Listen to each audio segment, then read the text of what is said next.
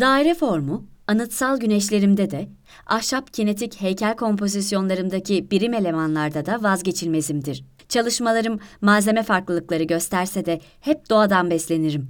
İnsanın doğa karşısındaki çaresizliği, karşı konulamaz güzelliği, matematiği, ona karşı çıkmaya değil, doğayla bütünleşmeye götürür beni. Doğadaki hareketi izlerim.